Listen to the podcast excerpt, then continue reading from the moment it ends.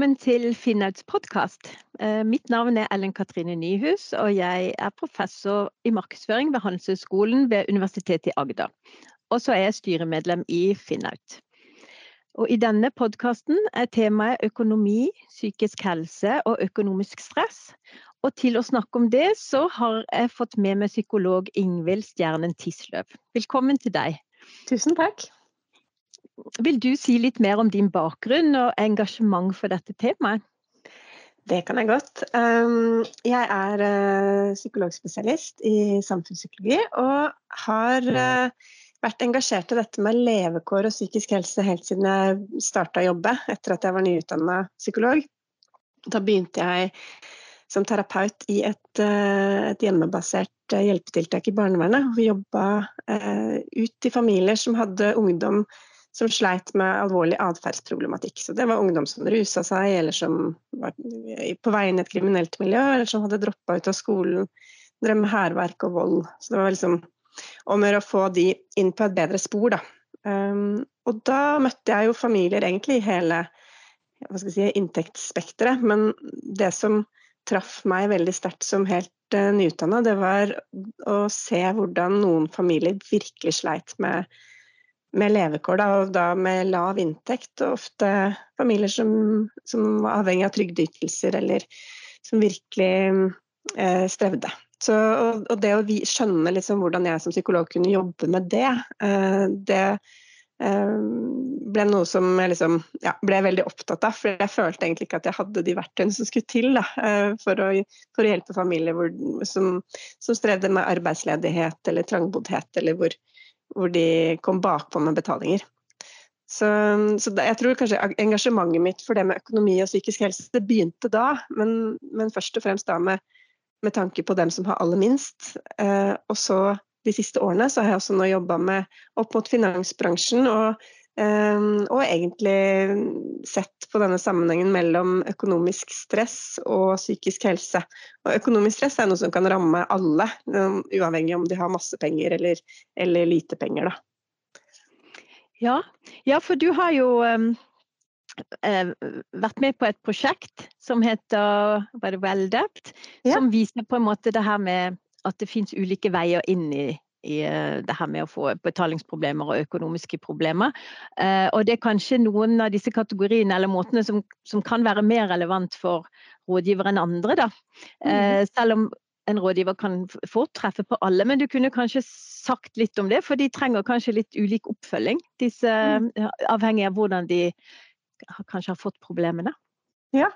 ja, jeg er tilknyttet et forskningsstudie som heter WellDepth på Oslo OsloMet. og Der uh, har vi sett på og intervjua rundt 30 personer som uh, har havna i uh, sånn, en, ja, si, en, uløselig gjeldssituasjon, hvor de har pådratt seg mye gjeld, men også liksom sliter med å betale regningene sine. Da. Og, og, hvor det har gått over lang, lang tid. Så de kommer seg på en måte ikke ut av det. Og flere av dem har jo vært på eh, innom gjeldsordning, men ikke klart å gjennomføre den.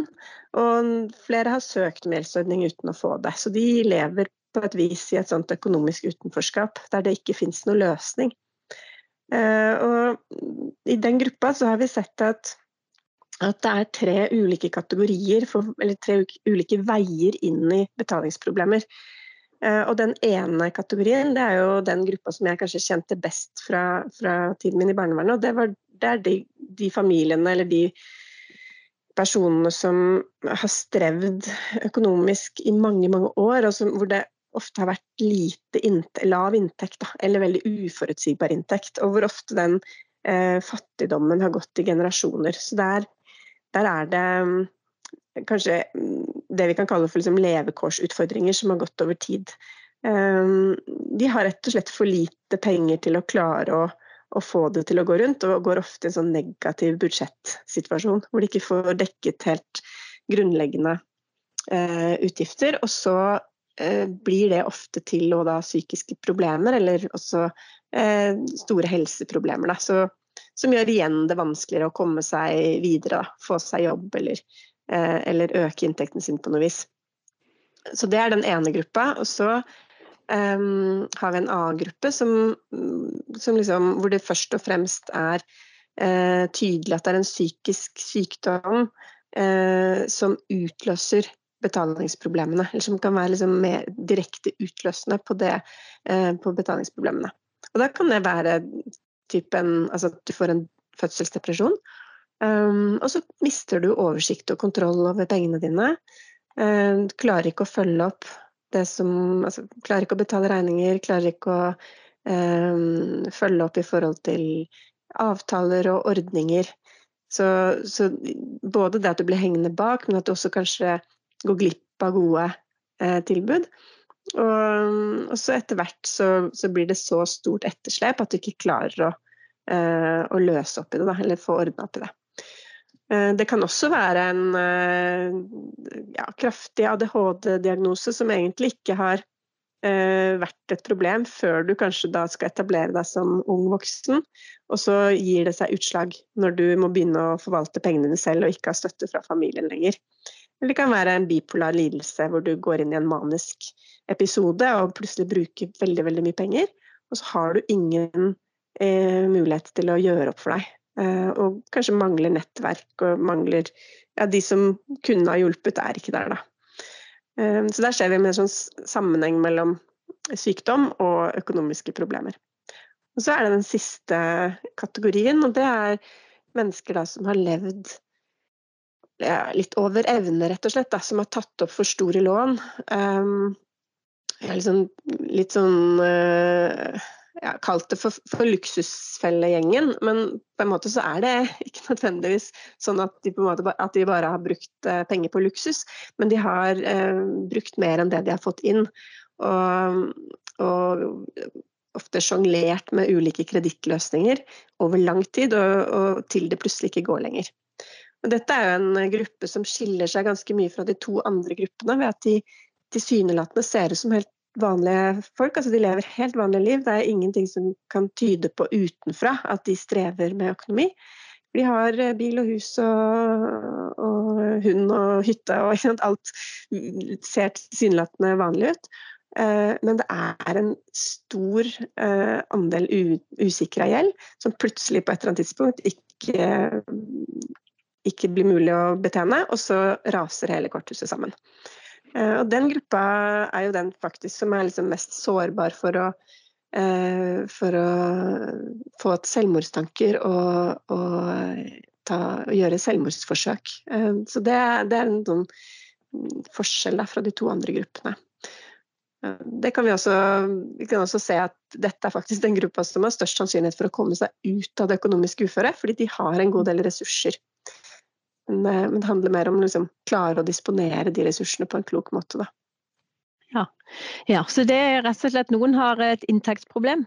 Eh, mm. For de har rett og slett for lave inntekter, mens andre har et utgiftsproblem med at de har kanskje lagt forbruket eh, litt for høyt i forhold ja. til det de har råd til. Og nå er det vel kanskje en del som har opplevd at de, at de trodde de hadde råd. At de, de beslutningene kanskje ikke så så dumme ut den gangen de tok opp lånet, men så har jo dyrtiden rammet da, med at rentene plutselig ble mye høyere, og så er det mye annet som har blitt dyrere også. Så har, så har ikke regnestykket gått opp sånn som de hadde tenkt. Da. Så det kan, jo, det kan jo være et sjokk, og sikkert en ny erfaring for mange av de yngre som aldri har opplevd høy rente før. Nettopp. Ja, helt klart. Men når du snakker om det her med, med stress, og kanskje særlig disse her eh, fattige Mm. eller de som har lav inntekt, så tenker jeg litt på det her prosjektet som eh, Kristiansand kommune har gående, som heter Nye mønstre. Der mm. de har hvordan det å få en egen familiekoordinator kan hjelpe mange eh, fattige på en måte ut av fattigdommen, og hjelpe de sånn, til at de kan kanskje få kjøpe en bolig eller ha energi til å komme seg i jobb. For det de har funnet ut av, det er jo det at det er rett og slett en, en fulltidsjobb å være fattig. Mm. For det at det er så utrolig mange ordninger de må følge med på. De har ikke samme tidsfrist for når de må søke eller be om de, og så kommer pengene på forskjellige tidspunkt gjennom måneden. Så det er utrolig vanskelig for de å holde oversikt over ja. hvor mye penger de har, hvor mye som kommer inn. Og så må de jo da stadig følge med på priser for å få eh, utnytta disse pengene best mulig. Sånn at det, altså det er rett og slett vanskelig å holde oversikt. Ja. Og det samme har de sett i USA når de har forska på, på, fattige der. For de har lurt på hvorfor gjør fattige så mye dumt, på en måte. Mm, gjør, mm. de gjør altså mye atferd som er irrasjonell, som gjør at de settes i en verre situasjon enn de hadde trengt å være i. Mm. Så da har de jo kommet med det her eh, begrepet scarcity mindset, eller knapphetsmodus, som gjør at eh, altså, du bruker så mye av hjernens båndvidde på økonomi og penger og følge med på det, at du har på en måte ikke energi til, til mye annet som vi burde bruke eh, eh, tankekapasitet på da, til å ta mm. gode beslutninger. Og når de fortsatte denne forskningen, så fant de jo ut at det er jo ikke bare fattige som har det sånn, det er rett og slett alle som føler på knapphet. At det kan være at du er stressa på tid, eller at du eh, eh, ikke har nok penger. Så, kan, så, du trenger ikke være fattig. Det kan også være de som du som du nå kalte det for de luksusfellen, da, som rett og mm. slett plutselig opplever at, uh, at pengene ikke strekker til, og så kan det gjøre de veldig stressa. Uh, mm. Og det som gjør det at vi i den situasjonen så tar vi dårlige valg, da. Noen blir veldig risikoaverse og vil ikke gjøre noe, blir livredd for å gjøre feil, mens andre de kan bli veldig risikosøkende. Da. Ta økonomisk risiko sikkert i håp om at de skal få en stor gevinst, så, mm. så regnestykket skal gå i hop likevel. Eh, noen tar opp forbrukslån, de blir overoptimistiske. Altså, så de blir ikke noe flinke lenger til å ta økonomiske beslutninger. Så, så det er bare det at de er i det her moduset kan gjøre at de eh, får det verre. Altså, ja. Og da tenker jeg, hvordan kan en rådgiver, hvis de skjønner at det er noen som er, som er litt ute å kjøre sånn uh, i forhold til å få økonomien til å gå opp, og de er ganske stressa over det, kan, hvordan kan en rådgiver håndtere det, tenker du? Ja, og det vil jo være selvfølgelig litt forskjellig avhengig av hva som er årsaken her. Om det er, for Hvis du egentlig har ganske gode muligheter til å løse situasjonen fordi du har en del ressurser, men du bare har et altfor høyt forbruk, så tenker jeg at det er andre råd som skal til enn hvis du hele tiden lever på et minimum. Eh, og så er det kanskje sånn at rådgivere i litt større grad møter de som har mulighet til å stramme inn, eh, fordi at en god del av de som har aller minst i i landet, de har jo ikke boliglån. Uh, så det vil jo være kanskje ja, flere i den gruppa som, som, uh, hvor det finnes en del muligheter, men hvor man allikevel ser at folk ikke tar grep, da. Uh, selv om de burde gjort det. Og jeg, jeg tror jo at en viktig tommelfingerregel når man skal få noen til å, å innse at de må gjøre noe annerledes, det er at de skal få en følelse av at dette er noe de Eh, har tro på selv, og noe de ønsker å gjøre sjøl. Så, så, så lenge rådene kommer når folk ikke egentlig er klar for å ta dem imot, så, så vil de ikke bli lytta til. Da. Vi har vært ganske opptatt av nå, vi holder på, jeg og, og kollegaen Jonas og, og Arman i, i, Finansiell helse og Røynd, vi, vi, driver nå med å liksom veilede rådgivere. Har gjort det eh, i et par år på hvordan man kan møte kunder for å også endre atferdsmønster. Uh, og da har vi, liksom sett dette med, uh, motivasjonsteori, og at det, det, som er viktig, er at kunden opplever en, uh, en form for relasjon til deg som rådgiver. Liksom tillit til at du ønsker personen vel, og at du kommer med, kommer med noe som er viktig for han eller hun. Um, så det å ha liksom, relasjonell kompetanse, det å kunne lytte til folk når de er veldig stressa, og få de til å føle seg sett og hørt, det er sånn grunnleggende for at de skal høre på de mer konkrete og logiske og økonomiske rådene. Mm. Og så er det neste, neste, som er viktig, det er jo at kunden opplever en form for kompetanse. At de, at de kan eh, skjønne hva som er best i den situasjonen de står i. Um, og hvis stressnivået er veldig høyt, sånn som du sier, så, uh, så er jo ofte kompetansen kanskje ikke helt tilgjengelig for dem. Selv om de La oss si at du har eh, vokst opp med foreldre med regneark på frokostbordet, og du har gått på skolen og lært en del ting om eh, budsjettering og økonomi, og du har egentlig alle mulige forutsetninger. Men så kommer du i en situasjon hvor stressnivået blir så høyt av en eller annen grunn. Det kan handle om, eh, som, som vi sier nå, med dyrtid. At uh, utgiftene plutselig øker. Eller det kan handle om at du står midt i et samlivsbrudd, eller at du mister en familiemedlem, eller at du blir alvorlig syk. Og da har du ikke nødvendigvis tilgang på den kompetansen. Så da er det viktig at rådgiver også klarer å liksom se hvor er den kunden nå, er de i stand til å benytte seg av det de kan, eller trenger de kanskje litt ekstra hjelp og støtte. Mm. Um, så det å liksom um, gi kunden kanskje noe mer, hvis de merker at her er det en som er uh, ganske sårbar. Fordi at de, har, de, står i en veldig vanskelig situasjon. Så kan det hende at de trenger mer konkret hjelp til å sette opp og se alternative løsninger. Mm. Um, og så er det siste i, i sånn motivasjonsteori, det siste punktet, da, det handler om autonomi, eller at folk skal kjenne på en form for uh, selvbestemmelse. Da. At de klarer å at de kan ta valget selv. At det ikke er noe som presses nedover hodet på dem. Så, så det å, å, sette opp ulike valg og, og, og, la kunden ha en opplevelse av at dette er noe de ønsker og dette er noe de velger på egen hånd, eh, det er jo nok en bedre tilnærming enn å si at dette er det du får fra oss, eller sånn, sånn her må det være. For da kan det ofte liksom resultere i mer motstand, da. Ja, Så en rådgiver må vel kanskje da først på en måte gjøre, eh, gjøre eh, kunden sin klar, eller sjekke om de er klar for å få rådgivning, og kanskje høre litt på frustrasjonene eller det de sliter med, og la de få på en måte bli ferdig litt med det emosjonelle først, før en kan kanskje eh, se på et budsjett eller prøve å få en oversikt over økonomien og se hva, eh, hva banken eventuelt kan gjøre for å hjelpe. Og, og så går det jo an å gi litt praktiske tips. Da. For det som du sier, det er jo eh, mange har nok litt kompetanse, men det har jo jeg sett på i min forskning at det er jo veldig stor variasjon i hvor mye folk kan og forstår ja. om økonomi. Så det, det, er jo en utfordring for rådgivere. Da, hvor mye eh, Hvor banalt eller hvor enkelt må de gjøre det for kunden sin. Ja. Eh, så det, eh, Der vil det jo være variasjon. Men så er det jo viktig det og du snakker om det her med at de må ha tro på det selv og føle på autonomi. For det er jo mm. det her med mestringstro.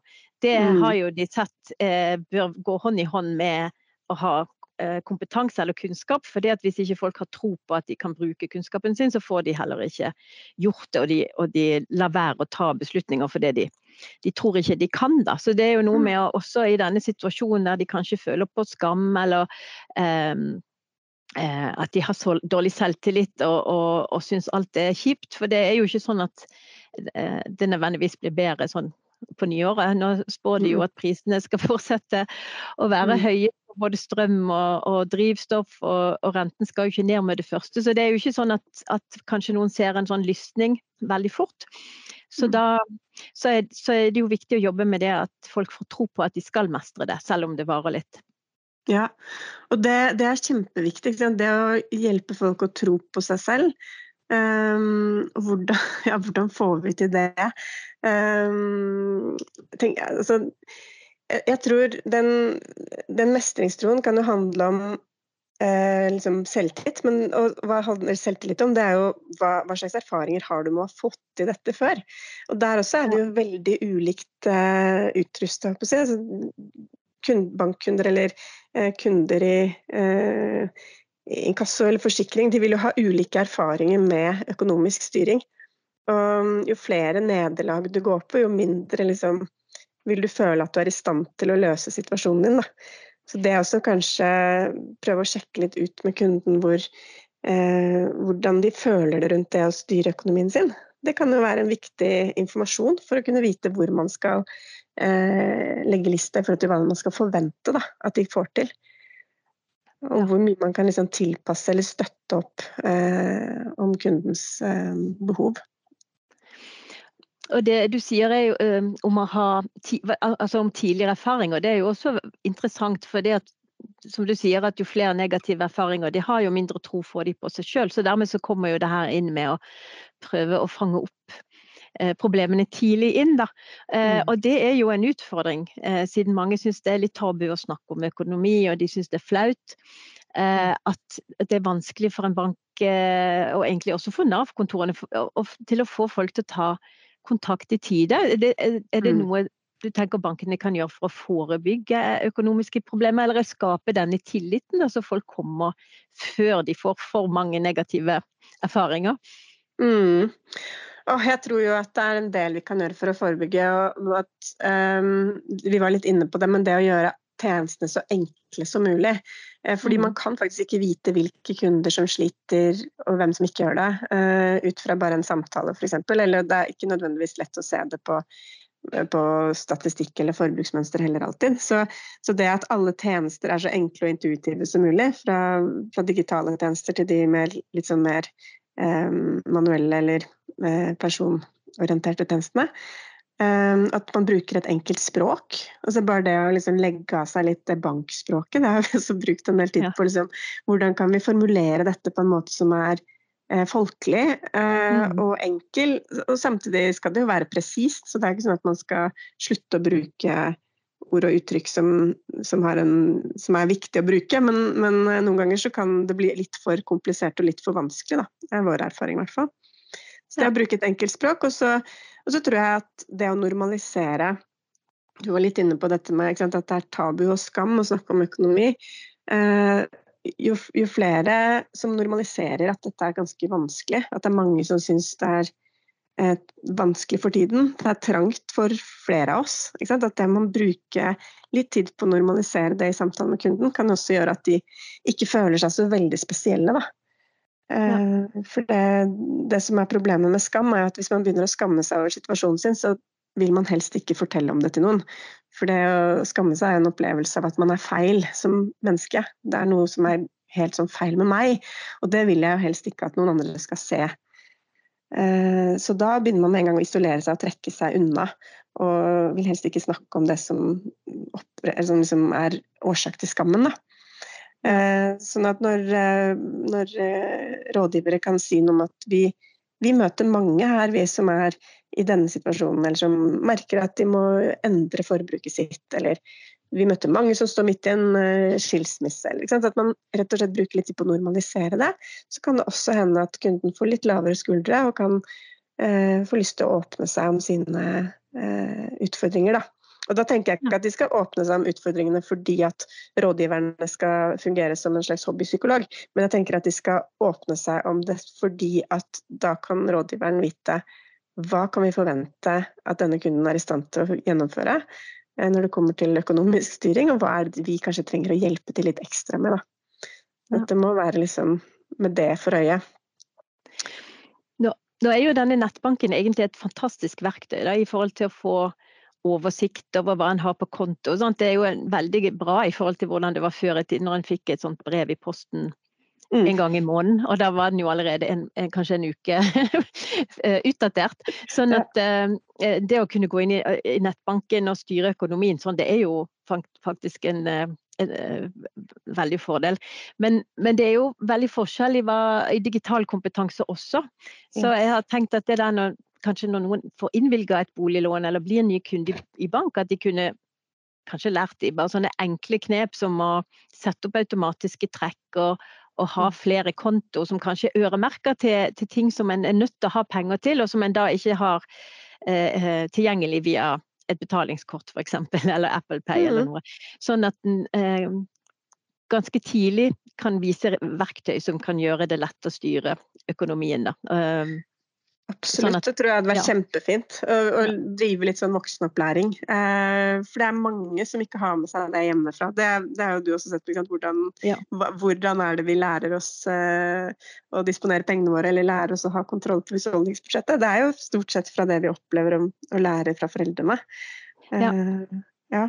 Ja. Og, ja, og der er det jo stor variasjon. Det, det, har jeg sett i forskningsprosjekter jeg har hatt. Altså, det er jo foreldre som snakker eh, omtrent daglig eh, om økonomi med barna sine og, og følger opp, mens andre de syns at det er en privatsak, så de vil ikke legge seg borti hva barna gjør. Og da, da lærer de ikke så veldig mye heller. Da. Så det er veldig stor forskjell i foreldres engasjement. Og så er det jo ikke tilstrekkelig i skolen. Så det er jo sånn at de, de kommer med veldig ulik ballast på kunnskap. Mm. De unge voksne som skal ta opp lån og, og klare seg sjøl eh, for første gang. Så det er veldig bra hvis når banker tilbyr sånne kurs eh, i økonomi for, for, eh, for, de som skal ta opp boliglån for første gang, f.eks. For, eksempel. for det er jo mange sånne små triks en kan bruke for å ha kontroll. Ja. Men, men til, eh, i begynnelsen så snakka du om et veldig alvorlig tema, og det var jo de mm. at eh, det var de i luksusfellen mm. som, eh, som kanskje snakker mest om selvmordstanker.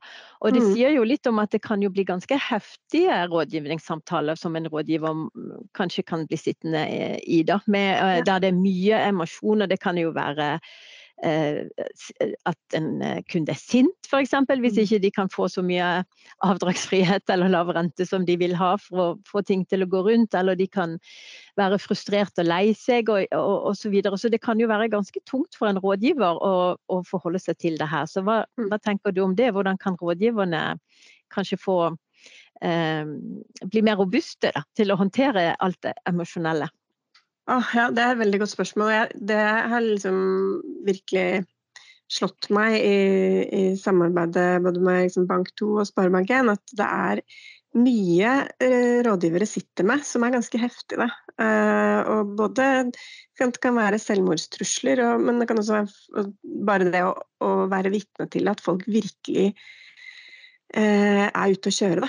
At det går dårlig med, med familier eh, pga. økonomisk, et økonomisk uføre. Og da, og da, er det lett å føle seg som en del av det, og som kanskje også noen kan kjenne litt på skyld, selv om det liksom ikke er eh, logisk. Eller at det er selvfølgelig ikke en rådgiver sin skyld at noen havner i et økonomisk uføre, men man kan ha likevel den liksom, klumpen i magen. Og det kan være vanskelig å legge fra seg eh, sterke historier når man går hjem fra jobb. Så så jeg tenker at her er det et, også et lederansvar å på en måte sikre at rådgivere har eh, tilgang til bedriftshelsetjeneste hvis det skulle bli mye. Og, og nå i, når vi går inn en dyrtid, så kan det hende at disse samtalene også skjer hyppigere. Men det å kunne få snakke med andre eller få kollegastøtte, eller også kanskje også ha noen eh, profesjonelle de kan snakke med, eh, vil jo være en måte å, å, å bygge robusthet på. da. Men, ehm, men jeg, jeg, tenker vel at det også for rådgiverne å ha en eh, trygghet i hvordan møte kunder som er veldig emosjonelt aktivert, og det å trene litt på det, få lov til å mm. øve seg med gode kollegaer på hvordan møter vi noen som er skikkelig skikkelig lei seg, eller, som, og, eller veldig fortvila, eller også veldig sinte. Og hvordan kan vi møte dem på en profesjonell måte uten å selv bli liksom veldig involvert, eller, eh, eller kjenne at det treffer eh, personlig. Da. Eh, og det tror jeg handler om å, å, også forstå at den typen affekt kan eller handler som regel mye mer om den personen som ringer inn, enn deg selv. ikke sant? Og, mm. Eh, og heller forstå det som et uttrykk for en veldig eh, frustrasjon eller, eller frykt. Um, altså det å merke at man ikke klarer å betale regningene sine, f.eks., og, og, og merke at du ikke får avdragsfrihet, hvis det er det du søker om, og blir avvist på det, det kan jo utløse en kjempereaksjon. Uh, fordi at man, man, ser for seg at nå kommer alt til å rase sammen.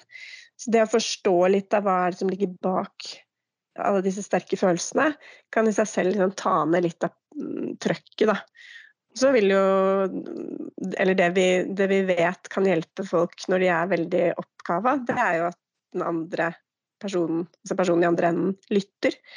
Eh, og holder seg litt eh, rolig. Og kanskje bare anerkjenner og bekrefter det, det de står i. Eh, fordi at når, når liksom budskapet, budskapet, kommer ut med veldig mye følelser, så er det ikke noe vits å begynne å komme inn med logiske argumenter eller råd. Da, er, da må du møte personen på følelsene. Det kan kanskje virke litt sånn hobbypsykologaktig, men det handler rett og slett om å hjelpe folk ned til et sted hvor de kan ta imot råd og veiledning. For når det er masse følelser, så har de ikke tilgang på eh, den delen av hjernen som kan forholde seg til dette logisk og rasjonelt.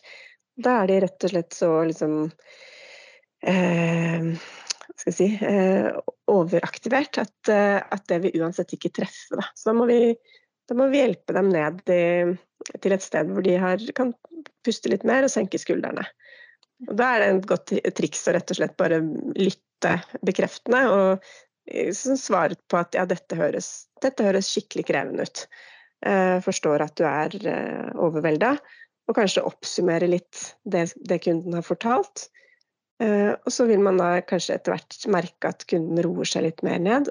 Da kan man komme inn med hva er det hva er det jeg kan gjøre nå? Jeg har jo mine rammer her i banken. Liksom. Dette er det. Jeg kan, jeg, kan, jeg kan, kanskje sjekke ut dette for deg, og hva er det du kan ta ansvar for selv? Liksom. Så det å hjelpe folk å, å rydde litt i kaoset uh, kan i seg selv være en veldig, veldig viktig strategi, da. Ja. Men da tror jeg jeg vil si tusen, tusen takk for veldig mange gode tips, Ingvild. Nå har vi hørt at det er lurt å ta seg litt tid til å undersøke i hvilken tilstand emosjonelt en eh, kunde er i når de søker eller kommer til rådgivning, sånn at en kan kanskje først få ned det emosjonelle presset litt hvis det koker litt, sånn at eh, de vil bli klar for å kunne få rådgivning og kanskje sitte og jobbe frem gode løsninger sammen med rådgiveren sin. Mm. Eh, og så hvis det er heftig, eh, så er det lurt eh, at en rådgiver har gode kollegaer som en kanskje kan snakke med, eller at det er noen eh, en, der, der, en rådgiver også, hvis det har vært vanskelig eller de føler det er tøft, kan få litt emosjonell støtte selv. Sånn at mm. de kan faktisk være en trygg person i, i disse situasjonene da, for kundene mm. sine. Så det var veldig gode tips. Ehm, så tusen takk. Og tusen takk til alle som har hørt på. Har du noe mer du ville legge til, Ingvild? Nei, jeg, eller jo, faktisk. Jeg vil legge til at uh, det med at folk trenger noe litt ekstra, det kan skyldes så mange ting. Så ja. ikke, ikke, tenk at man liksom må gi 120% hver gang, men at uh, det å vurdere fra kunde til kunde Her er det kanskje noen som er i en sårbar situasjon, eller de har litt lite kunnskap med seg hjemmefra. Eh, eller de har en eller annen eh, funksjonsfall som gjør at de ikke er så gode på akkurat eh, dette her. Det, det, kan være utrolig avgjørende for at, for at, man, ikke, at, man, får, eller, ja, at man, forebygger at folk havner i et økonomisk uføre. Og det, eh, hvis rådgivere klarer det, å forebygge det, så, så er det også et utrolig viktig grep for å, for å sikre folkehelsa. Da. For ja. det ser vi at den sammenhengen mellom helse og økonomi den er veldig sterk. Det har du helt rett i. Så det var et veldig godt poeng. Eh, at det er selvfølgelig veldig variert bakgrunn eh, for problemene folk har, og de takler de også veldig ulikt. Så, så det er mye en rådgiver skal måtte forholde seg til når det er eh, en sånn situasjon som vi har i dag, der det er veldig mange som opplever å få det verre enn det de er vant til. Så da vil jeg bare si tusen takk til Ingvild, og tusen takk til dere som har hørt på.